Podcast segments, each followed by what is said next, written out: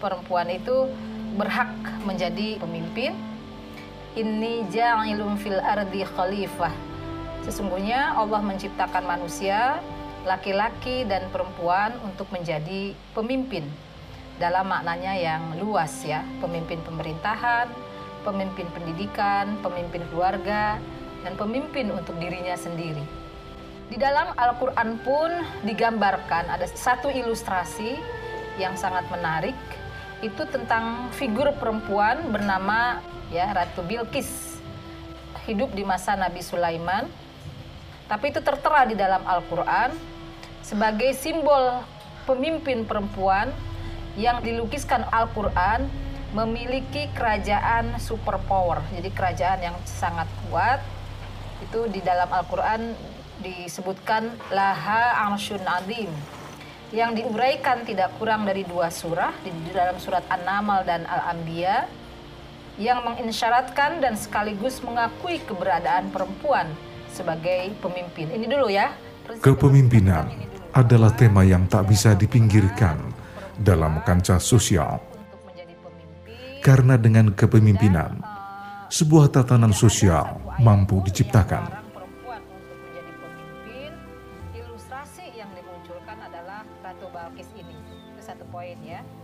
Figur pemimpin menjadi sorotan tajam dari semua pihak, sehingga pola, karakter, kapabel, dan kemampuan menjadi sisi penting untuk menentukan sosok pemimpin. Namun yang menjadi kendala adalah bagaimana pemimpin mampu mengayomi, memimpin dan memberi solusi jika terjadi persoalan. Maka keahlian pemimpin menjadi tuntutan utama. Karena dengan keahlian dan kemampuannya, sosok pemimpin bisa menjadi eksis dalam dunianya, serta mempunyai karisma di semua lini kehidupan.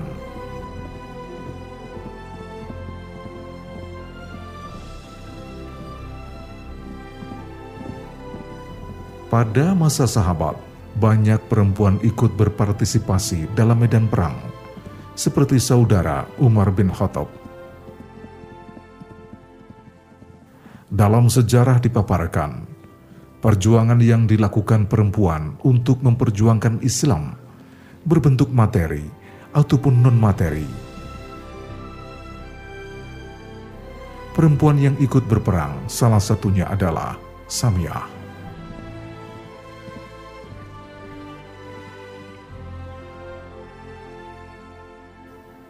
Dalam peradaban Islam menempatkan perempuan dalam posisi yang mulia dan terjaga. Cerminan seorang muslimah adalah dipenuhi dengan kesucian, harga diri, terhormat dan cerdas. Islam menempatkan perempuan dan laki-laki setara pada aspek kesempatan untuk mendapatkan pahala dan meraih ridho Allah Subhanahu wa taala. Bagi orang-orang yang beriman, ridho Allah adalah alasan kebahagiaan. Bismillahirrahmanirrahim. Innal muslimina wal muslimati wal mu'minina wal mu'minati wal qanitina wal qanitati was sadiqina was sadiqati was sabirin والصابرين والصابرات والخاشعين والخاشعات والمتصدقين والمتصدقات والصائمين والصائمات والحافظين والحافظين فروجهم والحافظات والذاكرين الله كثيرا والذاكرات أعد الله لهم مغفرة وأجرا عظيما Dengan nama Allah yang Maha Pengasih, Maha Penyayang. Sungguh, laki-laki dan perempuan Muslim laki-laki dan perempuan mukmin, laki-laki dan perempuan yang tetap dalam ketaatannya, laki-laki dan perempuan yang benar, laki-laki dan perempuan yang sabar, laki-laki dan perempuan yang kusuk, laki-laki dan perempuan yang bersedekah, laki-laki dan perempuan yang berpuasa, laki-laki dan perempuan yang memelihara kehormatannya, laki-laki dan perempuan yang banyak menyebut nama Allah. Allah telah menyediakan untuk mereka ampunan dan pahala yang besar. Surat Al-Azab ayat 35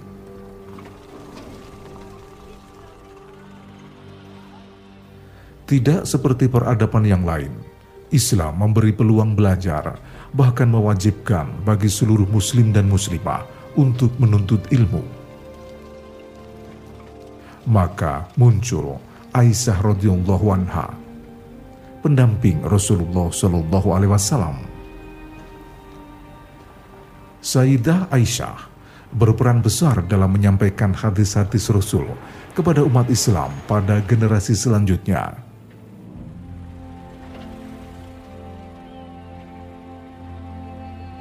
Aisyah radhiyallahu anha juga punya peran penting memajukan keilmuan umat Islam.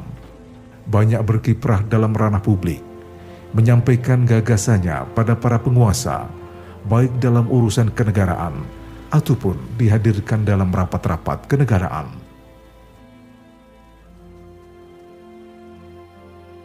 Saat seorang perempuan menjadi ibu, ia diberi penghargaan yang sangat bergengsi dalam sebuah hadis, Rasulullah Shallallahu Alaihi Wasallam mengulang bahkan sampai tiga kali kata ibu ketika ada pertanyaan tentang siapa sosok yang harus diperlakukan dengan baik. Maknanya, Rasulullah menegaskan kehormatan dan kemuliaan seorang ibu sebagai pembimbing, pendamping dan pendidik utama anaknya. Keutamaannya melebihi ayah hingga tiga kali.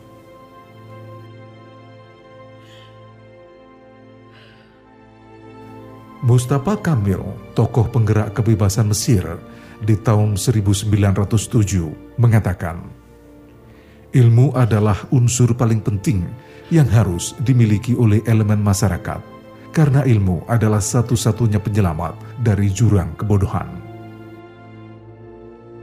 Perempuan adalah bagian dari masyarakat yang mempunyai peran penting dalam pembangunan.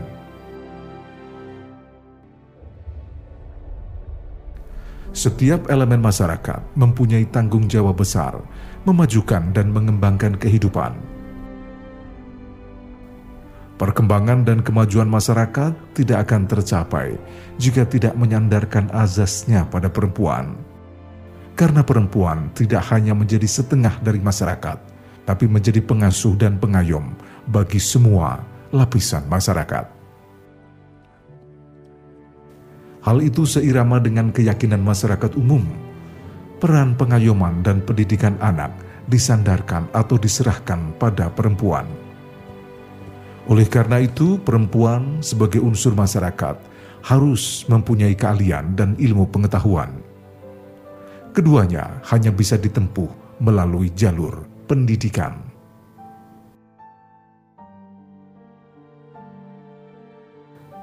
Perempuan yang berpendidikan mempunyai kemampuan lebih ketika mengetahui sesuatu dibanding laki-laki. Kelebihan dan kemampuan itulah yang pada akhirnya akan memikat laki-laki. Namun jika wanita tidak memiliki kelebihan dan kemampuan apa-apa, maka ia akan dicampakkan oleh laki-laki. Hal itu terbukti dalam sejarah, bagaimana kaum Adam memarjinalkan atau menelantarkan kaum Hawa yang tidak berpendidikan.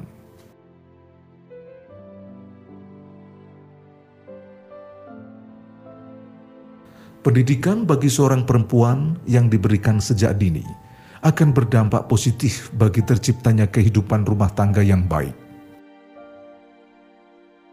Seorang perempuan terdidik untuk membaca, menulis, menghitung, dan sebagainya akan menjadikannya mampu mengimbangi dan mendampingi kemampuan yang dimiliki laki-laki. Ya, kewajiban puasa harus dilakukan dan namanya puasa Ramadan harus di bulan Ramadan. Ya, ternyata begitu di bulan Ramadan, ya dia hamil. Ramadan yang sebelumnya hamil. Ya, kemudian yang Ramadan berikutnya menyusui. Bisa dibayangkan kalau memang uh, dia tidak uh, berpuasa ya di uh, bulan Ramadan yang 30 hari, kan Allah meminta ayam ma'dudat. Ya, puasa itu harinya bisa dihitung. Kalau memang dia tidak bisa berpuasa di hari Ramadan itu bukan berarti gugur, tapi kan dia harus faidatun min ayyamin ukhar. Dia harus mengganti hutang puasa itu di hari-hari berikutnya. Para ulama juga berpendapat dalam agama Islam, perempuan sebenarnya mempunyai kedudukan yang tinggi. Tapi ada adat istiadat yang tidak islami yang mengubah hal itu. Sehingga kaum perempuan mempunyai kedudukan rendah di masyarakat. Kondisinya ibunya kuat, anaknya akhirnya kekurangan cairan. Atau bisa jadi anaknya doyan menyusui dan nggak masalah, ibunya ber, memaksakan puasa, ya kan? Ternyata membuat ya jadi Hasim Amin dalam bukunya Tahril Al-Mar'ah mencatat umat Islam mundur karena kaum wanita yang berasal dari Mesir. separuhnya tidak mendapat pendidikan di sekolah. Padahal pendidikan bagi perempuan sangat diperlukan, bukan hanya agar mereka bisa mengatur rumah tangga dengan baik, tapi lebih dari itu, agar mereka mampu memberikan pendidikan dasar bagi anak-anaknya. Masyarakat Mesir memang pada awalnya seakan tidak mempedulikan pendidikan bagi kaum perempuan. Perempuan Mesir hanya dianggap sebagai orang rumahan yang tidak bisa melakukan apa-apa. Hanya dianggap sebagai pelayan dan pelengkap keberadaan laki-laki. Itu yang menyebabkan kesetaraan antara laki-laki dan perempuan dalam dunia pendidikan benar-benar diabaikan.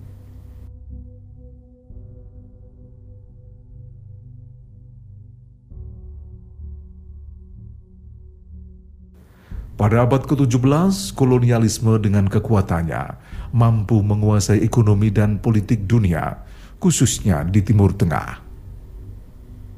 Pada saat yang sama, kaum Hawa menunjukkan peran dan kontribusinya di segala bidang, terutama pertanian.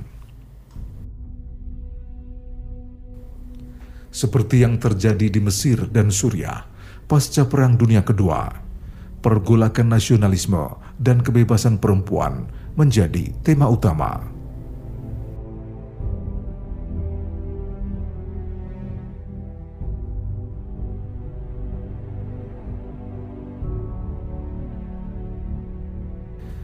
Begitu indah agama Islam memperlakukan perempuan. Suara sumbang tentang tuntunan kesetaraan dan keadilan gender tidak pernah ada sepanjang sejarah Islam. Jika saat ini terdengar kembali di berbagai media massa, semua itu disebabkan peradaban Islam yang agung telah tiada. Maka wajar jika penindasan dan pelecehan kembali marak. Seakan peradaban di zaman kuno, bahkan masa jahiliyah telah kembali. Jika kita belajar sejarah Islam, tentunya bukan peradaban bengis dan rusak yang ingin kita ambil tapi peradaban Islam yang pernah terbukti menjadi rumah yang ramah dan menyenangkan, bahkan mengagumkan bagi perempuan. Lalu kenapa kita tidak segera kembali berotasi menuju peradaban gemilang di tangan para perempuan yang dimuliakan? There are too many people getting too much face time on television who claim exalted status for Christianity and who are demeaning other faith traditions, particularly that of Islam.